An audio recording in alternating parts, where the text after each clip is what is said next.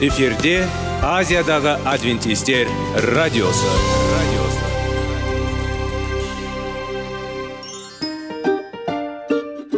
Сәлем достар. Денсаулық өмір бұлағы және біздің бірінші байлығымыз демекші денсаулық сағаты рубрикасына қош келдіңіздер. Бір кісінің ауырғанын айтқысы келмесе де ол онсыз да көрініп түсінікті болады. Өйткені ауырғанда жанымыз қиналғаны кейде соншалық сол үшін дәрі алуға қарағанда мұның бәрін алдын ала алу жақсы емес пе? Біздің рубрикада біз әртүрлі факторларменен мәліметтерменен кеңестерменен бөлісіп шын жүректен сіздердің дендеріңіз сау болғанын қалаймыз. Сол үшін біздің рубрикаға қош келдіңіздер. Дайындалып тұрыңыздар. Өйткені келесі минуттарда қызықты фактілерге ие боласыздар. Енді достар ең бірінші байлығымызды қолымызға алып алға кеттік. Бізбенен болыңыздар.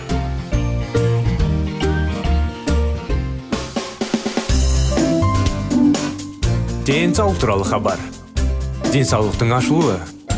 Күн сайын сөз үшін күшті кеңестер соңғы жаңалықтар қызықты факторлар біздің рубрикада.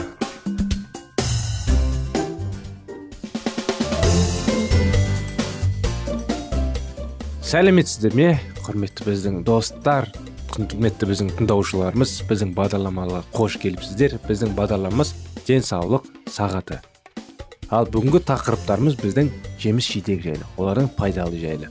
Әрдайым сіздермен біздің жеміс жидек қай, қай жеміс жидек қайсы пайдалы қандай оның қызметтері бар қандай қасиеттері бар қандай емдік қасиеттері бар қандай пайдалары бар. Соның бәрін біз сіздермен бірге зерттеп жүрдік дұрыс қой? Сіздермен бірге оны өтіп жүрдік. Сонымен бүгінгі біздің тақырыбымыз не жайлы? Кіріспе әрине бұршақ жайлы. Бұршақтың орысша айтқанда қалай айтады? Фасоль демекші. Өсімдік ұқсасын қандай екенін білгіңіз келсе ме? Бұл бұршақ дегендей әсіресе наполеон бонапарт фасоліне сүйіспеншілікпен танымал. Ол үрме бұршақ бұлшақ етпен миға күш береді деп санайды. Бұл керемет. Бірақ бұл тек басы ғана емес. Сондықтан бізбен бірге болыңыз. Әрі қарай сіздің қызықты да тақырыптар күтеді. Оның тарихы жайлы. Еуропада үрме бұршақ ежелгі уақыттан бері тамақта тұтынылған анық. Арабтар испанияға 18 ғасырда басып кірді. Қазіргі кезде андалузия ретінде танымал аймақ. Олардың арқасында өнермен ғылыммен және еңгішілігімен ескі әлемнің ең жоғары дамыған өнерлерінің бірі болды. Атақты испано арабский шипагер дейді ғой ретінде белгілі достопочтительный доктор абу закария яхе не деген ат? Ол да севильде 17 және 18 ғасырлар бойы бейнелеп шамамен көптеген түрлі бұршақты. Ол асқазанға пайдалы және талғампаз дәмі бар деп мәлімдеді. Колумб өз журналында ол испанияда көргенін үлкен үрме бұршақ жүгері мен чили мен өткір бұршақпен қатар бұйырған американдықтарға тағамдарға рационның негізінде құрауына жазды. Бұл бұршақты жаңа жарықтан испанияға алып келді. Онда ол өзінің жақсы сапасының арқасында бірден көтерілді. Еуропалықтардың сенімінде ие болу үшін ғасырлар талап еткен картоп пен қызанақ сияқты американың басқа өндіріліміне айырмашылығы үрме бұршақ бүкіл еуропа тұрғындарына азық түлік рационына тез кірді қызықты фактор жайлы не айтып кетсек болады? Мынаны айтсақ болады? Ежелгі римде бұршақ тек азық түлік ретінде ғана емес косметикалық құрал ретінде де қолданылды. Ал опаны және бет тірнесіне арналған ақ түсті дайындады.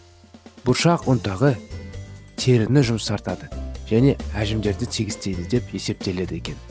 Үрме бұршақ клеопатраның патшасы пайдаланған бекке арналған атақты маска құрамында кірді. Енді құрамы жайлы айта кеткен соң құрамы не десек болады? Ақауыз бұршақ құрамындағы ең маңызды қоректі зат. Оны ет деп атаған. Үрме бұршақ құрамындағы тағамды талшықтар іш құтауында алдың алуға көмектеседі және қандағы холестерин дегендейін төмендетеді. Пісірілген үрме бұршақ порциясы бір дәрілікке ересек адамға арналған фолаттардың күндізгі диеталық нормасын қамтамасыз етеді. Фолаттарға қажеттілік жүктілік кезінде артады. Коронарлық аурудың жоғары қаупі бар. Емдеушілерге фолаттар қолдауында арттыру керек. 100 грамм үрме бұршақ 100 миллиграмм темір қамтамасыз етеді. Ол ересек ер үшін күндіз диеталық норма болып табылады екен. Бұл минералдардың ең жақсы көздерінің бір бұршақ жасайды. Бұл жеміс темір болғандықтан ол меңгеруді жасыртушы үшін с витаминін пайдалануды талап етеді. Сондықтан лимон бірнеше тамшысын қосу пайдалы болады. Сонымен қатар үрме бұршақ құрамында неотин мен пантотен қышқылы бар. Сау тері үшін өте маңызды екі дәріменді фактор бар. Қандай? Бір қызығы бұршақ етке қарағанда екі есе көп пантотен қышқылы бар. Пайдалы қасиеттері. Барлық осы факторлардың арқасында үрме бұршақ экзема қышу және терінің құрғауы тері аллергиясы және барлық дерматозадарды ұсынылады. Сондай ақ бұршақтың шаш фолликулдары үшін пайдалы. Екендігі дәлелдеген неше шашты жоғалту олардың сынуы және қиызға қайсақ дейді ғой қайсақтың кезінде ұсынылады. Бұршақты тұрақты пайдалану холестериннің қалпына деңгейіне ұстап тұруды жақсы тәсілі целлюлоза талшықтарының фосилындағы жоғары құрамы іш қатумен күресуде және дивертикулизді және тоқ және тік ішек обардың болдырмау мақсатына оны тиімді етеді тоқ және тік ішек. Маңызды нәрселерді ұмытпаңыздар естеңе сақтаңыздар. Мақсатына оны тиімді етеді дейді. Үрме бұршақ жоғары қан қысымы гипертониясы бар адамдар үшін. Өте қолайлы. Өйткені онда натрий аз және калий көп екен. Бұл бұршақ құрамында темір бар ет немесе шпинат артық. Бұл анемия мен қоректік заттардың жетіспеушілігін зардап шегетін пациенттер үшін оның тамаша азық түлігін етеді оны қолдану тәсілдері енді әркім өзі әрқалай қолданады. Неше түрлі тәсілдер бар. Тәсілдердің біреуінде пісірілген үрме бұршақ көп мөлшерде қолданылады. Оның шикі жеуге болмайды. Бұршақ дайындау алдында бірнеше сағат бұрын суық суға батырып жақсы неліктен оны жібіту керек. Неғұрлым ертеңге дайындайтын мақсат болсаңыз неғұрлым оны бүгін кешке арнайы граммажын алып суға тостаққа су құйып салқын суды соған салып ертеңгі күнге қалай айтқанда жібітіп қойыңыз. Оны қалай тағы қолдануға болады? Оны жібіткеннен кейін әрине тағамға қосуға болады. Сіздерге тағы бір кеңес әдемі қызылдан да ақ фасольден де паштет жасауға болады. Оны жібітіп қайнатып пісіріп одан пюре ретінде қылып оған чеснок қосып кішігірім енді қалай приправа дейді ғой. Соны қосып араластырып әдемі паштет қылып нанға жақсаңыз қандай ғажап орта теңіз елдерінде негізгі тағам ретінде түскі асқа бұршақ үрме бұршақ жасмын немесе нүт беріледі. Осыған байланысты еуропаның оңтүстік тұрғындары арасында жүрек ұстамаларының пайызы өте төмен ал неге бұл тамаша дәстүрді қабылдамаса қалай ойлайсыз? Сіздердің отбасыларыңыз да сіздердің денсаулықтарыңыз бен жақындарыңыздың денсаулығы нығайтатын дәстүрлер көп болсын. Рахмет сіздерге достар.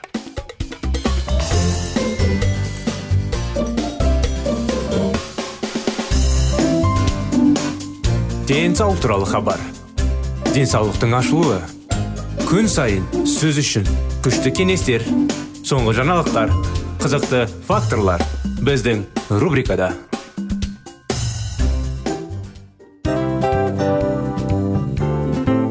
Әуелі байлық денсаулық. Екінші байлық он саулық. Үшінші байлық ақ жаулық. Ал енді осындай радио парақшадан кейін не дейміз? Барлықтарыңызға денсаулықтарыңыз зор болсын деп тілейміз. Денсаулықтың өзгеруі кішкентай нәрселерден басталады. Осымен біз берген кеңестер мен мәліметтер шын жүректен сіздер үшін қандай да бір болсын жәрдем берді деп үміттенеміз. Тыңдаушыларымызбен келесі радио парақшасына дейін қоштассамыз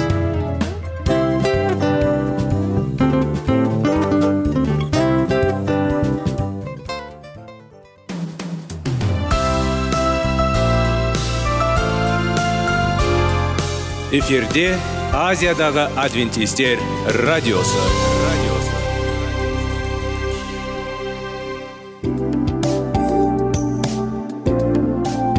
Сәлем достар. Барлықтарыңызға біздің сүйікті шын жүректен сөйлесейік рубрикасына қош келдіңіздер деп айтпақшымыз. Негізі шын жүректен сөйлесейік рубрикамызда не жөнінде айтамыз? Шын жүректен сөйлесек бағдарламасы әртүрлі қызықты тақырыптарға арналған. Махаббат деген биік тас. Оған ешкім жете алмас. Жетеді оған екі жас дегендей шындығында шын жүректен сөйлесек деген сөздің мағынасы екі достың екі адамның екі жастың арасындағы шын жүрекпен сөйлесуі бір біріне сенуі ашықтық пен шындықты білдіреді. Сол үшін біздің бағдарламаларды үзбей бізбен бірге болып тұрыңыздар. Әртүрлі қызықты тақырыптарды сіздер үшін арнап дайындағанбыз. Дайындалыңыз жаңа қызықты мәліметтерге ие болуға. Ондай болса кеттік.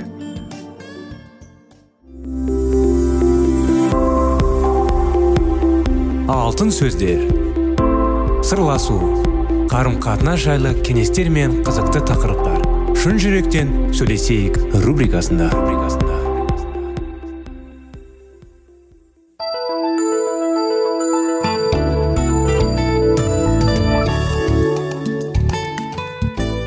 Сәлеметсіздер ме құрметті тыңдаушылар құрметті біздің достар? Мінекей шын жүректен сөйлесейік бағдарламасы. Ә, бізбен бірге болыңыздар. Біраз болды сіздермен бірге шектеулер жайлы тақырыпты ә, кітапты десек болады сіздерге баяндап айтып беріп жүрміз. Сонда ары қарай жалғастырайық. Уақыт. Кейде адамның немесе өзінің жоспарлаған ойдан уақытша аулақ кете тұрған аса пайдалы болып табылады. Осылайша сіз өміріңіздің бақылауыңыздан шығып кеткен шекара орнатуды қажет ететін қандай да бір саласын қайта бағындыра аласыз. Ата анасынан рухани және сезімдік тұрғанда әлі ажырамаған ересек балалар үшін олардан уақытынша аулақ кету көп жағдайда көмегін тигізеді.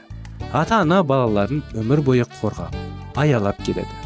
Олар балаларын қанаттарының астынан шығарудан қатты қорқады.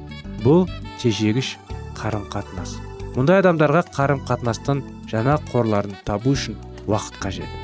Өтпелі кезеңде балалар көбіне екі, ешкімнен араласпайды. Бірақ ата анадан бұлай басын аулақ салу әдеті олармен қарым қатынастың жақсылығын септігін тигізеді. Сезімдік ара қашықтық. Сезімдік ара қашықтық бұл сіздің жүрегіңізге соншалықты қажет қауіпсіздікті сезінуді беретін уақытша шекара сезімдік ара қашықтық ұстану еш жағдайда да қарым қатынастық құрықты тәсіл болуы тиіс. Әлде кіммен қиын қарым қатынаста болған адамдарға сезімдерін ерту үшін қауіпсіз орын табулар қажет? Ерлі зайыптылардың бірі екіншісінен зәбір көрген жағдайда кейде зардап шеккен жақтың екіншісі өз кінәсін түсінгеннен дейін сезімдік ара қашықтың ұстана тұра пайдалы болады. Сізге екінші пен көңіл құлшылыққа ыңғайлы нысана болудың қажеті жоқ. Егер сізбен жаман қарым қатынас жасаған болса онда қайтып оралмас бұрын өзгерсіз белгілерін шынайлығына кезіндегі жеткізіп алыңыз. Көптеген адамдар сенуге асығып тұрады. Олар мұны кешірімді болу үшін. Серігінің шынымен теріс жолдан айтқанына көз жеткізбейтін істейді. Өзіңізге қатыгездікпен қараған адамға нашақорға немесе ішкішке оның шынымен де өзгергені көз жеткізбей тұрып сезімдік жағынан ашылу қамықты болады. Кешіріңіз бірақ нақты өзгерістерді көргенде дейін өз жүрегіңізді сақтаңыз. Өзге адамдар шектеулерді орнатып оларды сақтау үшін сізге өзге адамдардың көмектері қажет болуы мүмкін қатыгез қатынастың немесе ешкімдікке тәуелдік адамның құрбаны болған жандар бұрған ұзақ уақыт төзіп келгеннен кейін өздерінің біреудің көмегінсіз шектеулерді орната алмайтындарын байқайды достарымен қарым қатынасқа түсушілері олардың өзге адамдардың өздерін басынауларына немесе билігіне алғаш рет жоқ деп айтуларына көмектеседі. Сізге өзге адамдардың кемегінен көмегінің қажет болуының екі себебі бар. Біріншіден маңызды өзара қарым қатынасты қажетсіну. Бұл өмірлік басты қажеттілік. Өзара қарым қатынасты орнату үшін адамдар көп нәрсеге барады. Жалғыз қалудан қорыққан кейбіреулер өзгелердің өзіп таршылығына төзіп жүре береді. Жалғыз қалу қорқынышты көптеген адамдарды жылдар бойы азапқа шыдауға мәжбүрлейді. Өміріңіздегі сүйіспеншілік жоғалады деп ойлаған олар шекаралар орнатуды қорқады. Бірақ та өзге адамдардың көмегі оның өзі қысым көріп келген адамның сүйіспеншіліктің осы дүниедегі жалғыз бастауы емес екенін түсінуіне көмектеседі. Өзге адамдарға сеніммен артқан. Олар жалғыздықтан арылады. Мәсіхтің қауымы оларға қолын созып өздеріне бағытталған соққыларды тойдыруға күш береді. Екінші себеп біздің санамызға жаңа ойлардың құйылып тұруына мұқтаж еткенімізге көптеген адамдарды отбасында немесе қауымда шектеулер орнату дұрыс емес. Бұл өзімізділік болады және келі кітапқа қайшы келеді деп үйретті. Мұндай адамдар жалған күнәлік сезіміне бой алдырып құлдыққа қала беруге мәжбүр болады. Олар өздерінің қалаған кінәлік сезімдері мен ескерген түсініктеріне қарсы тұруларына көмектесе алатын достарға мұқтаж. Осы кітаптың екінші бөлімінде біз сіздің өміріміздегі маңызды деген ара қатынастарда шектеулерді қалай қою керектігіне кеңірек тоқтатан боламыз. Ал қазір ең басты нәрсені түсініп алуымыз қажет. Вакуумде отырып шекаралар орнату мүмкін емес. Бұл қашанда өзге адамдар тарапынан көмекті қажет етеді. Өзге адамдардың меншікті шекараларын бұзу міндетті түрде жаман салдарға алып келеді. Аймаққа кіруге тыйым салынады деген белгілердің арығында әдетте оның заңмен қудаланатын жайды ескерту жазылады. Егер бір жолмен жүрсек бір нәрсенің ал екінші жолмен жүрсек онда қандай да бір басқа нәрсенің болатынын айтып келі кітап бізді осы ұстанымға үйретеді. Яғни белгілі бір әрекеттің нақты саладары болады. Оны бұзудың салдарының қандай да болатынын ескерте отырып біз өзіміз орнатқан шекараларымызды нығайта түсуге тиіспіз. Егер жұбайымыздың бірі өзінің егер сен ішудің қоймасаң немесе үйге кешігіп келгенде немесе мені ұрғанды немесе балаларға айқалағанды қоймасаң онда мен кетіп қаламын. Және сен өзгерімше қайтып оралмайсың. Деген қоққа лоқсаң орындаған болса онда қаншама жұп ажыраспаған болар еді. Достар мінекей бағдарламамыз өкінішке орай аяғына келді. Та кітабымыздың жалғасын келесі жолы жалғастырамыз. Рахмет сіздерге.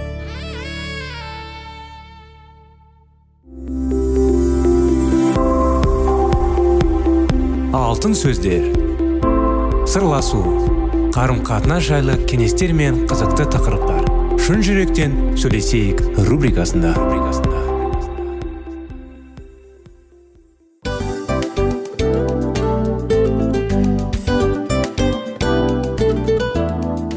Құрметті достар барлық ең соңғы кеңестер аяқталған соң біздің программамыз соңына келіп қалды. Осы біздің мәліметтер осы рубрикада айтылған әрбір сөздер сіздерге өзінің қандай да бір пайдасын алып келді деп шын жүректен сенеміз. Және бұдан да көптеген рубрикаларымыз бар. Басқа рубрикаларымызда біздің зерттеулерімізде сіздер үшін тағы да қызықты мәліметтер дайын. Біздің шын жүректен сөйлесейік парақшамызда көптеген әдістер ең соңғы кеңестер адамның нравственность жақтан моральдық жақтан тазалап байыта тұрған соңғы кеңестердің барлығын жанарады. сондықтан алдыңғы күндерде бізбен бірге болыңыздар. Өйткені барлық қызықтар алдыда. Бізбенен бірге болғандарыңызға үлкен рахмет. Келесі кездескенімізше сау сәлемет болыңыздар.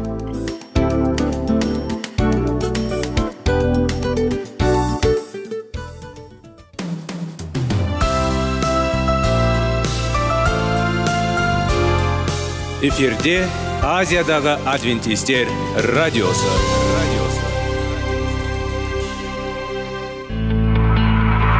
Жан дүниеңді байытқан жүрегіңді жаңғыртқан өмірдің мағынасын ойландырған рухани жаңғыру. Рубрикасы.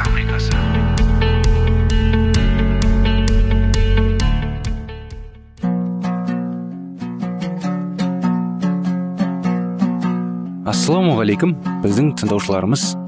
Келі кітаптың шындығын ашып берген қысқа бағдарламасына қош келдіңіздер. Барлығынан жоғары жаратушы біздің қарыңғылықта жалғыз қалдырып қойған емес. Өйткені ол келешекте не болу керек екенін киелі кітаптың парақтарында ашып береді.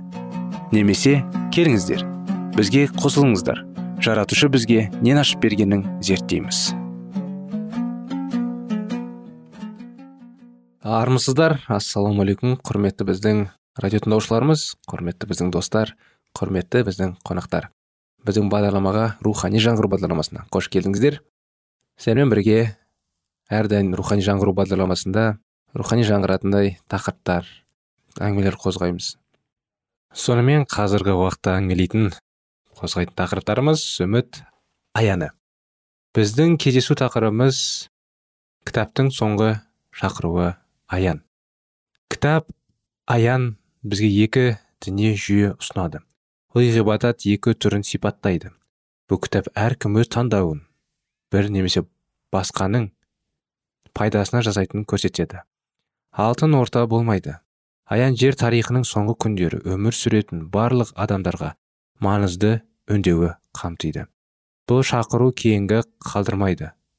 Бұл үндеу екі әйелдің ашық көрінісінде символдық түрде берілген. Ақ әйел 12 тарауда сипатталған. Кітапта аян немесе әйел иса қалдырған шынайы шіркеуді бейнелейді. Еремияда алтының екісінде пайғамбарды былай дейді. Мен сионның қызы әдемі және қарды бұзамын дейді. Сион қызы таңбасы құдайдың халқын бейнеленген. Бұл мәтінде құдайдың өз халқын әдемі емес әйелмен салыстырады. Ефесіндерге арналған жолдауының бесінші тарауында апостол павел исаның сенімді күйеуіне ал оның шіркеуі қалыңдыққа сендіреді екінші кітап туралы аян ақ әйелдің жарқын таңбасы бар ол өзінің сүйікті исаға адал ол жалған білімсіз. Ол мәсіхтің қалыңдығы оның жердегі шіркеуі ретінде сипатталған. Аянда он жетінші басқа әйел пайда болды. Бұл әйел анда сиқырымен отыр. Киелі кітап оны бозғылт деп айтады. Ол өзінің сүйікті исаның қалдырды. Ол шегініс діни жүйесін білдіреді. Бүгін біз он жетінші аянды қарастырамыз. Онда жеңіл жүргіш бейнесі бар әйелмен ә, салыстырылады. Мен осы тақырыпты зерделей отырып біздің негізіміз қаншалықты маңызды екенін көріңіз деп үміттенемін. Егер бұл киелі кітапты болса мен оған сенемін. Егер ол киелі кітапты болмаса бұл мен үшін емес. Егер бүкіл әлем адамның әңгімелері мен ілдерінің ұстанатын болса да біз құдайдың өзінде тұруымыз керек. Шегінген шіркеуді қарастырмас бұрын аяның 12 шынайы шіркеудің сипаттамасы қысқаша қарастырайық. Жаңа жарық шіркеу әділ күн сәулесін бейнеледі мәсіх оған ие ол оған адал болып қалады. Оның жүрегі исаға тиесілі ол өз махаббатын ешкімге бермейді. Жаңа өсиет шіркеуі 12 аятында мәсіхтің адал қалдырған ретінде бейнеленген. Бірақ аяның 17-нің бірінде сурет өзгереді. Сахнаға басқа әйел шығады. Әйел 12 аянының қарама қарсы. Аяның он жетінің бір мен екісінде жеті кесе бар жеті періштенің бірі келіп маған былай деді дейді. Мен саған үлкен жеңіл жүргіш үстінде сот көрсетемін көптеген сотты отырмын. Және оның кінәсі жер бетінде өмір сүретін жеңіл жүргіш өз сүйіктісін қалдырған әйел. Бұнда шынайы шіркеу емес шіркеу құлап жатыр. Ол өзінің сүйікті исадан кетті киелі кітапта былай дейді. Көптеген суда отырған. Еске түсіріңіз аяның 17 жетінші тарауының 15 бесінші аятының айтылған. Мен маған былай дейді ақыры қайда отырғанын көрген су. Мәні адамдар мен халықтар тайпалар мен тілдер. Осылайша шегініс шіркеу жүйесі. Немесе және жүргіс өзінің сүйіктісін қалдырды. Ол көптеген халықтарды басқарады.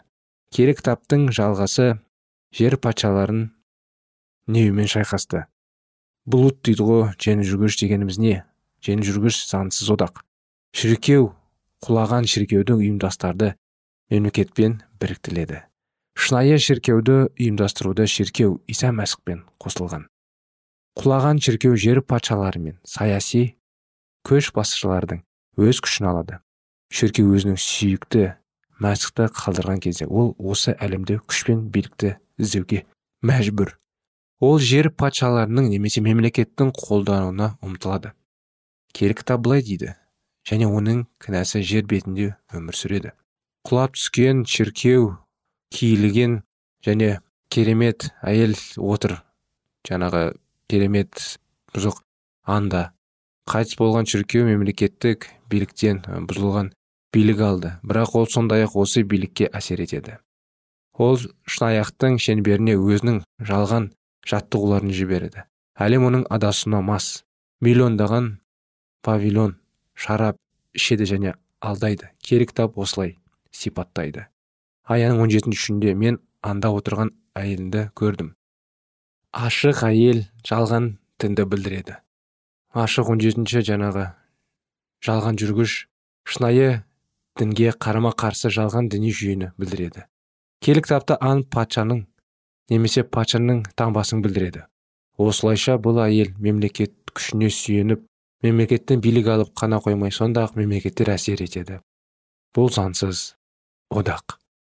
Протестанттық ғылымдар тобы жасаған тамаша інжіл түсініктемесі бар. Одан аян туралы түсінік бар. Бұл пікірдің 593 бетінде авторлар келесі керемет мәлімдеме жасайды. Мемлекет пен шіркеу құдайдың асыл сыйы. Бірақ қираған мемлекет айналады. Артқа түскен шіркеу артқа қайтқан айналады жалған әйелге. Әрі қарай оқимыз аянның он жетінің төртінде міне әйелім есімді бұл шіркеудің құйрығы. Парфирмен және багрянды құйылық алтынмен асыл тастармен және інжумен безендірілген. Құда мемлекетке сүйенетін осы діни жүйені сипаттау үшін қандай түстер пайдаланады? Күлгін және күлгін. Дін қызметкерлері пурпур мен багряны киген діни жүйені білесіз бе? Біз әрі қарай оқимыз. Және алтын шанаяқтарды өз қолында мызғымызға толы және оның жалғаны жалған жүрісі дейді. Осындай аяттармен осындай сөздермен өкінішке орай құрметті достар бағдарламамызды аян аяқтаймыз. Жалғасын келесі жолы жалғастырамыз. Осындай адасушылық жайлы не болып қалай түзеленетінін бұған қалай жеткенін. Келесі жолға дейін сау саламат болыңыздар.